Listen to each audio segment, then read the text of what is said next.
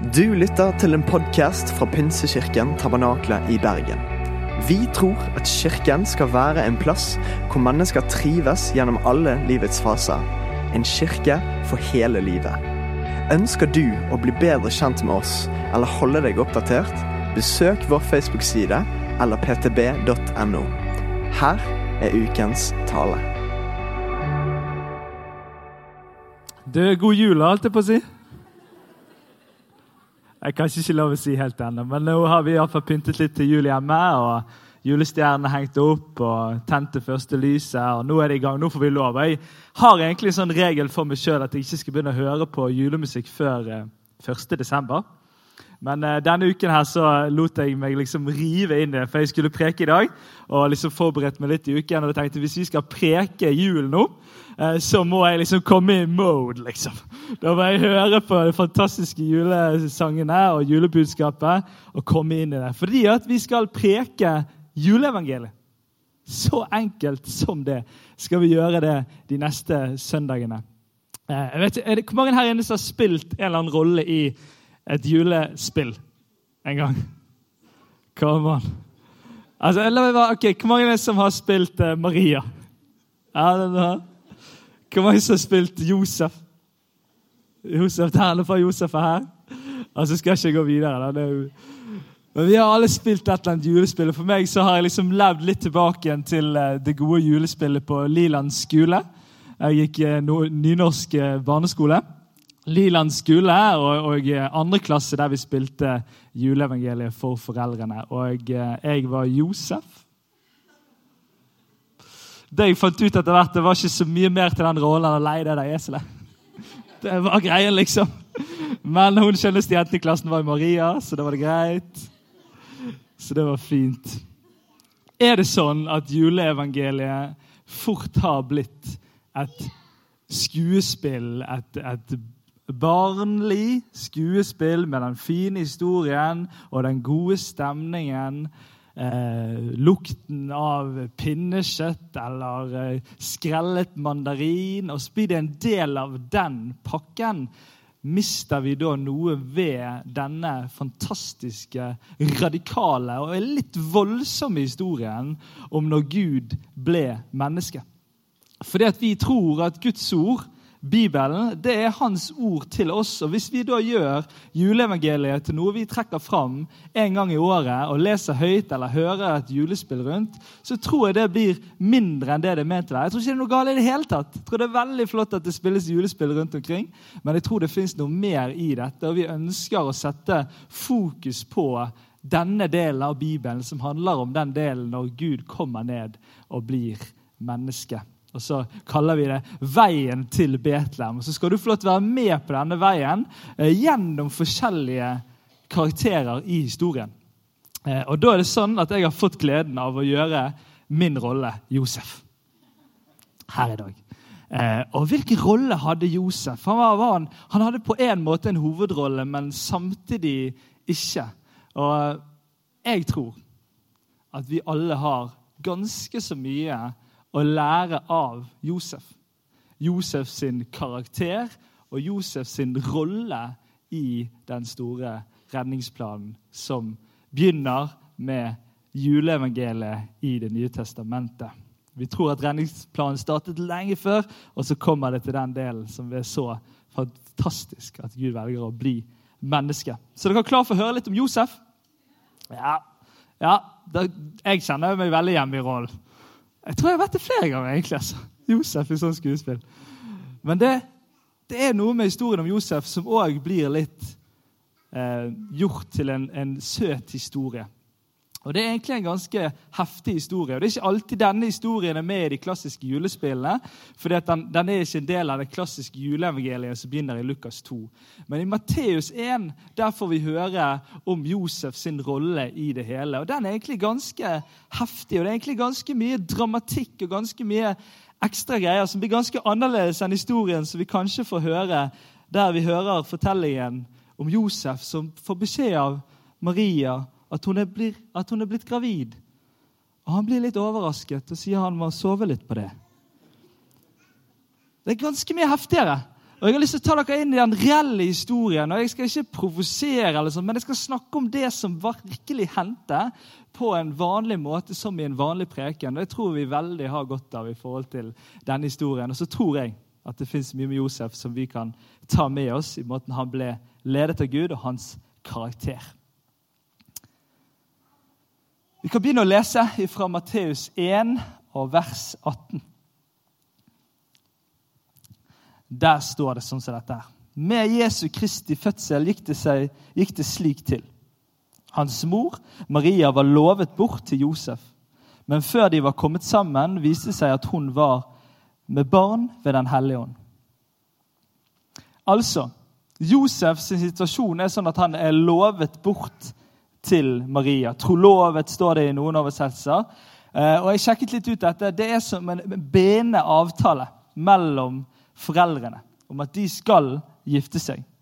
Og Den kan kun brytes gjennom skilsmisse. Så det var en ganske sterk avtale som sto der.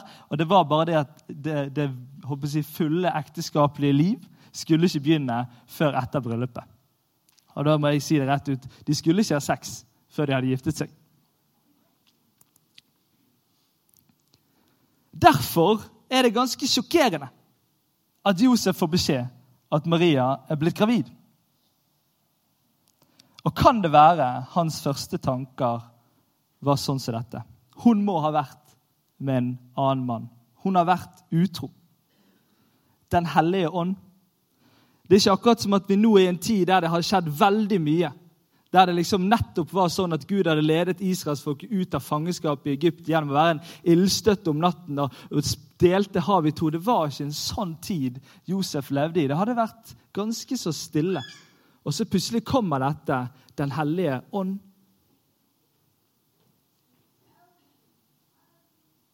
Og Ikke bare har hun vært med en annen mann, men hun har i tillegg klart å bli gravid. Og det er dermed synlig for alle. Noen vil tro det er meg, tenker Josef. Hun har fått skam over mitt liv, både meg og hun sjøl. Kanskje kan det være disse tankene kom opp i Josefs liv, i tankeliv.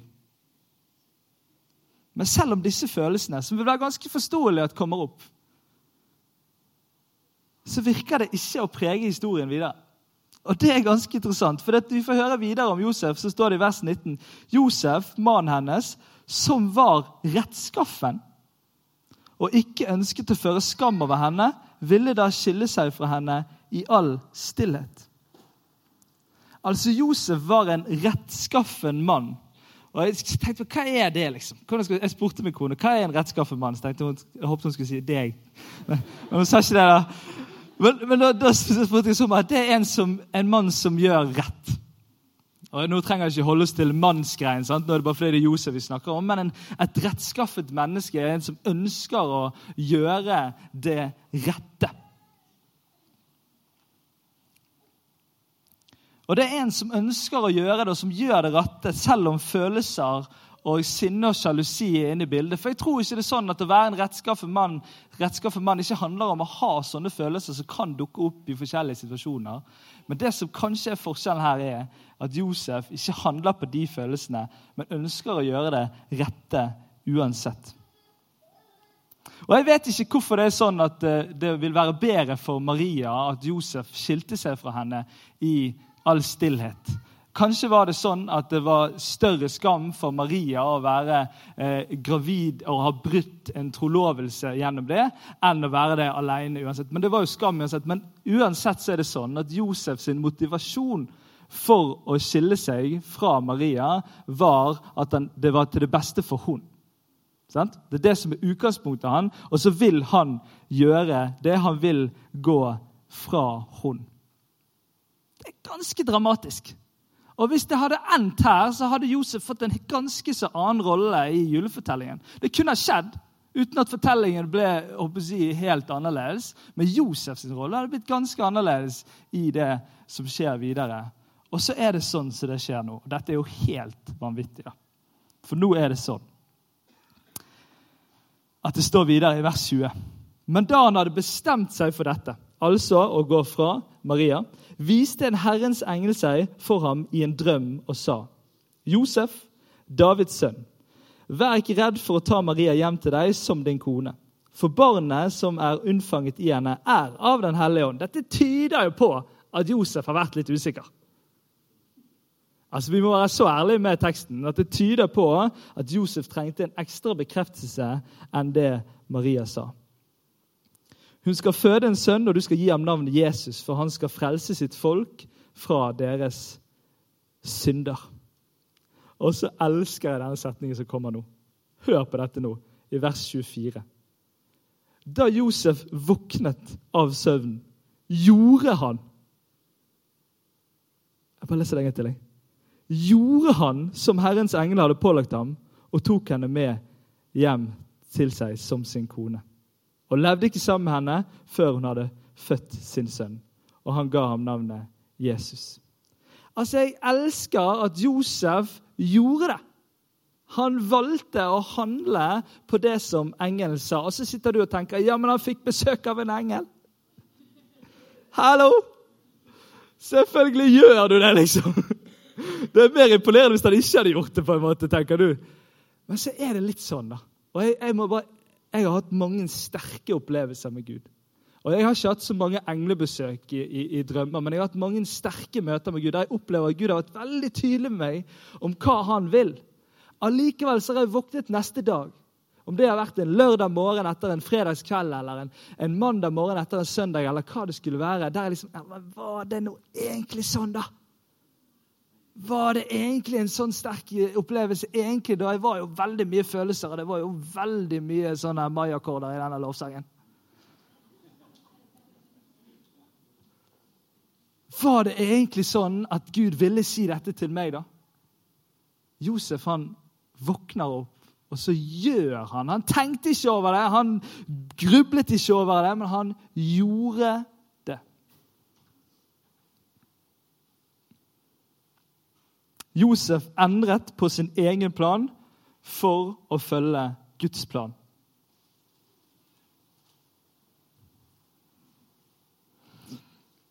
Og så er det ikke bare i denne delen av fortellingen der Josef gjør det. Det er han òg som får drømmen om at, at, de skal dra vekk, flykte fra, eh, fra Betlehem til Egypt. Flykte vekk fra, fra Herodes. Og han får òg drømmen om å, at de skal flytte tilbake til, eller gå tilbake til Nasaret. Han lar seg lede av Gud. Selv om han kanskje hadde egne planer, selv om det ikke alltid fulgte hans egen plan, så fulgte han Guds plan istedenfor.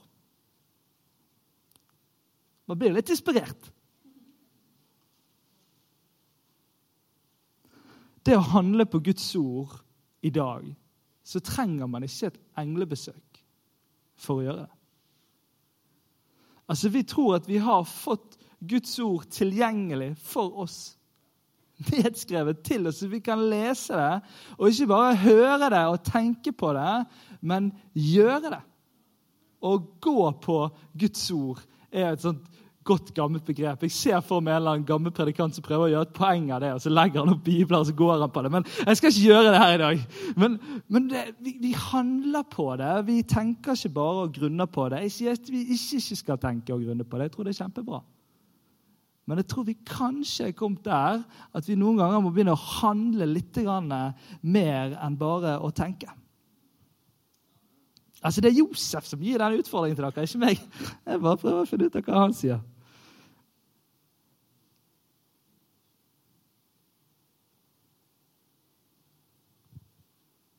Og så fortsetter historien, eller jeg går videre inn i historien gjennom Josef. Og så ser jeg at Josef han tar et ansvar som egentlig i utgangspunktet ikke er forventet av ham. I alle fall ikke fra samfunnet rundt.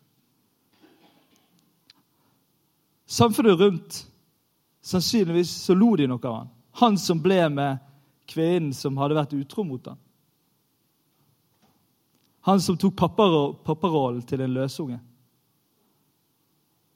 Han kunne jo bare holdt seg til det samfunnet rundt forventet. Han kunne dratt og fått et ganske så mye mer komfortabelt og enkelt liv. Det var ikke Josef sin rolle i utgangspunktet, men han ble utfordret til å ta han, og så tok han han. I nærheten av der jeg vokste opp, så var det en, en ganske gammel og lav mann. Det var ikke Sakkeus. Jeg leser for mange sånne historier med min sønn for tiden. Men han, han hadde en rolle i det lokale bedehuset hos oss. Og Han var på hvert eneste ungdomsmøte. Eh, og det var ganske mange unge gutter som hadde et vanskelig forhold til sin far, der han ble en slags farsfigur for dem. Det var ingen som forventet det av han. Det var ingen som sa til han du burde kanskje gå og ta deg ekstra av de guttene i miljøet som, som har litt utfordringer med sine fedre. Du burde gjøre det. Ingen som sa det til han. Men han kjente i sitt hjerte at han skulle være en sånn som tok rollen som Gud utfordret det til, selv om ingen andre forventet det. Og så var han en sånn farsfigur for mange av mine kompiser og mange av generasjonen over meg, og, og til og med generasjonen under meg. Han døde plutselig nå i, i fjor sommer. Helt uten forvarsel. Var Sunn og frisk mann. Eh, og vi var i begravelsen, og den begravelsen var knallfull. Fana kirke helt fullstappet. Og det var, ikke, det var, ikke, bare grå hår som kjente han og, og liksom var venn med han, men det var masse av de forskjellige generasjonene som var til stede. Og Der alle kunne fortelle en eller annen fortelling om at han hadde betydd noe inn i deres liv, eller noen av deres venner liv eller families liv. Fordi han tok en rolle. Selv om den ikke var forventet av han, så ble han ledet av Gud. Jeg husker jeg spurte han en gang, for han var enslig. Så spurte jeg han, har du noe, jeg tørde å spørre han det spørsmålet, har du noe jeg tenkt på om du skulle ha giftet deg i stedet. Så sa han ja, men jeg fikk en sånn ro fra Gud om at jeg skal være, ha plass i livet mitt til mange andre. Og dermed så skal jeg være enslig. Og Det er bare helt nydelig for meg å se hva har betydd for de jeg har fått sett på nært hold. Så vet jeg at det finnes så mange flere historier. Det var ingen som forventet rollen, men har Gud ledet han til det, og han tok han. Jeg lar meg inspirere av sånne historier. Jeg lar meg inspirere av historier med familier som har masse barn. Lite plass i hjemmet sitt, men som allikevel åpner opp for noen som trenger et hjem for en periode i livet. Og jeg bare kjenner Det, det, det er så, så Josef-aktig å gjøre noe sånt. Og skulle bare ta en rolle, selv om det er ingen som kommer til å ringe til en fembarnsfamilie og si at hør, dere burde egentlig hatt en til i familien. Dere burde egentlig ha plass til noen flere. Men som gjør det allikevel. Og så betyr det i hele verden for den ene som får lov til å være en del av et trygt hjem i en tid av livet som kanskje er fullt av litt for mange bølger, litt for mange utfordringer.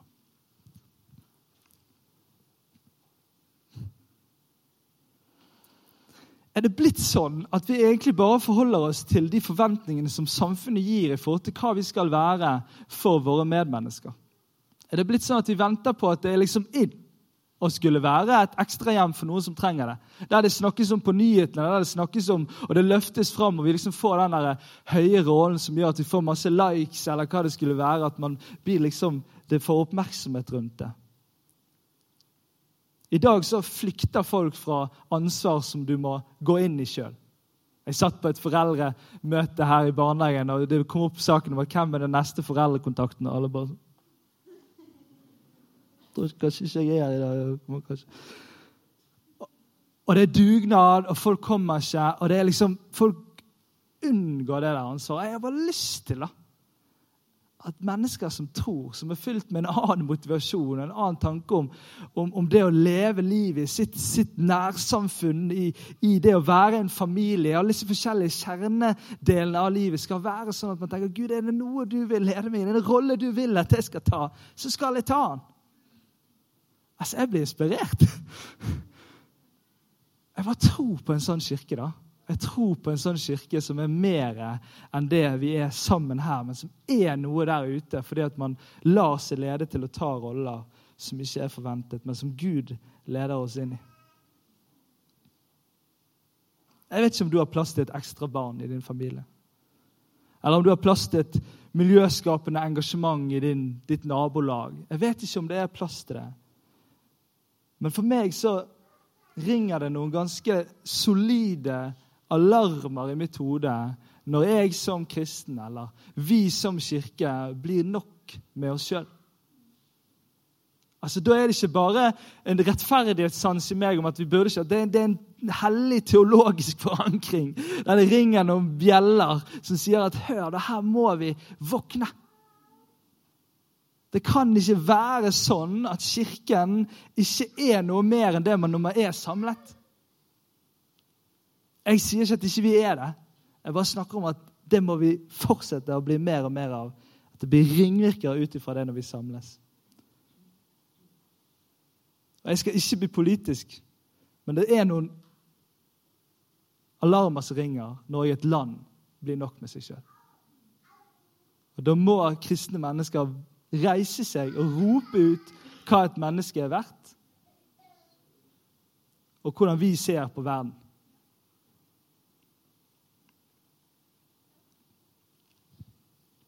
Lovsangeren kan komme fram.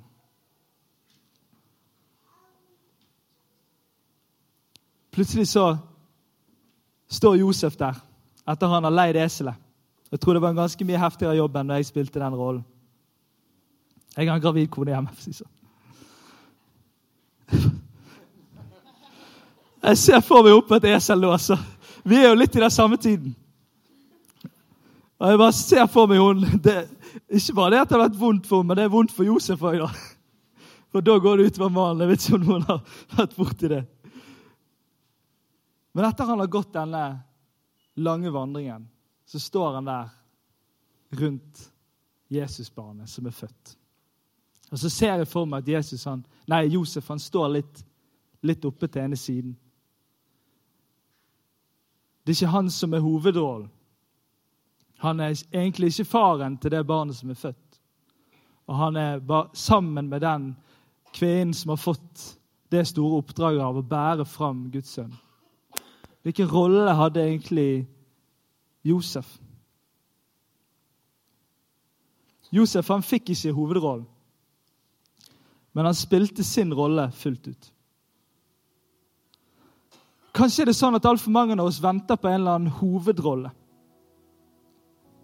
Der vi skal gjøre noe viktig som, som, som, samfunnet legger merke til. Da skal vi legge inn det lille ekstra hvis det blir en eller annen avisartikkel eller mange delinger på Facebook.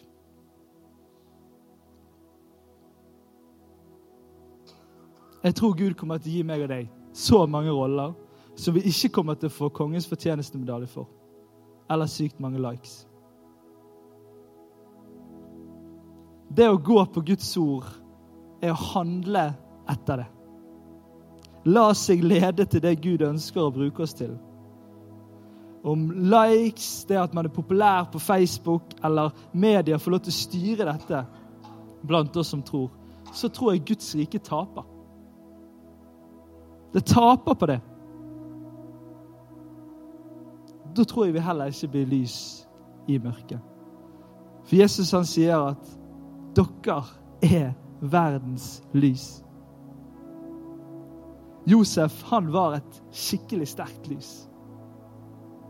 Men han sto så nært et så mye større lys at det ikke er så mange av oss som har lagt merke til ham. Og Det er egentlig et nydelig bilde på det å være et lys for Jesus. For det handler ikke om at ditt lys skal bli så fryktelig synlig. Men det handler om at du skal stå så nærmt det lyset som skinner for alle mennesker i dag. Nemlig Jesus.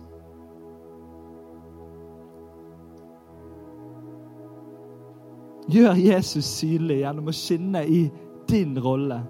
La deg lede til det Gud ønsker at du skal gjøre.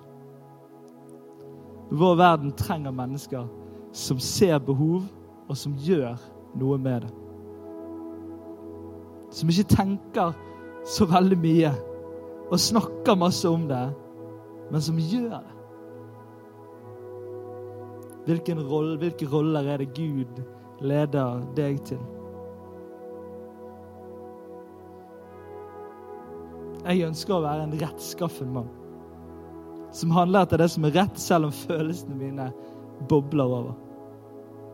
Jeg ønsker å være en mann som tar ansvar, selv når det ikke forventes. Og Jeg tror Josef utfordrer oss alle på det. Skal vi sammen be? Da liker jeg at vi står sammen, for det er en felles ting vi gjør sammen. Og jeg har lyst til at Når vi ber nå til slutt, her, så har jeg lyst til at du skal være åpen for Guds ledelse inn mot noen roller som du enten har blitt påminnet om før, og så har du gått vekk fra det, eller noen ting du skal komme tilbake til, eller noen nyoppdagede roller som Gud ønsker at du skal spille i ditt liv. Jeg takker deg, gode Gud, for det du gjorde gjennom Josef sitt liv. Takker deg for den mannen du gjorde han til, at han valgte å følge deg her. Og Jeg bare ber om at du må gi oss et sånt hjerte som følger din plan, og ikke vår egen plan. Og jeg bare ber om at du må lede oss til å kunne ta sånne roller inn i den verden vi lever i i dag. Og jeg bare ber om at du i dette øyeblikket her må vise mennesker hva de kan være med å gjøre der de er.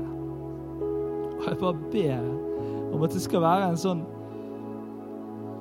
kraft som kommer ut av denne kirken, at den, den, merkes på så mange andre måter enn når man samles på søndag formiddag.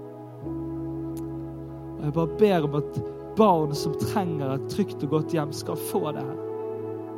Jeg ber at flyktninger skal finne nabolag som tar imot de her.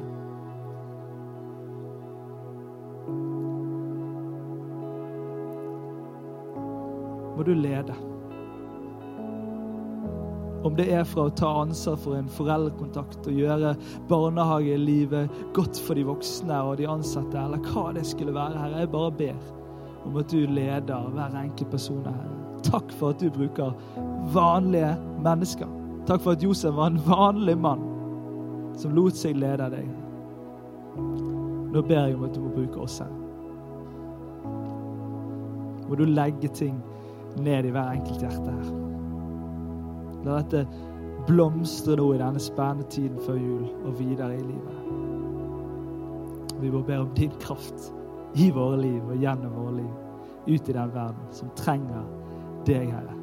Lys som skal skinne.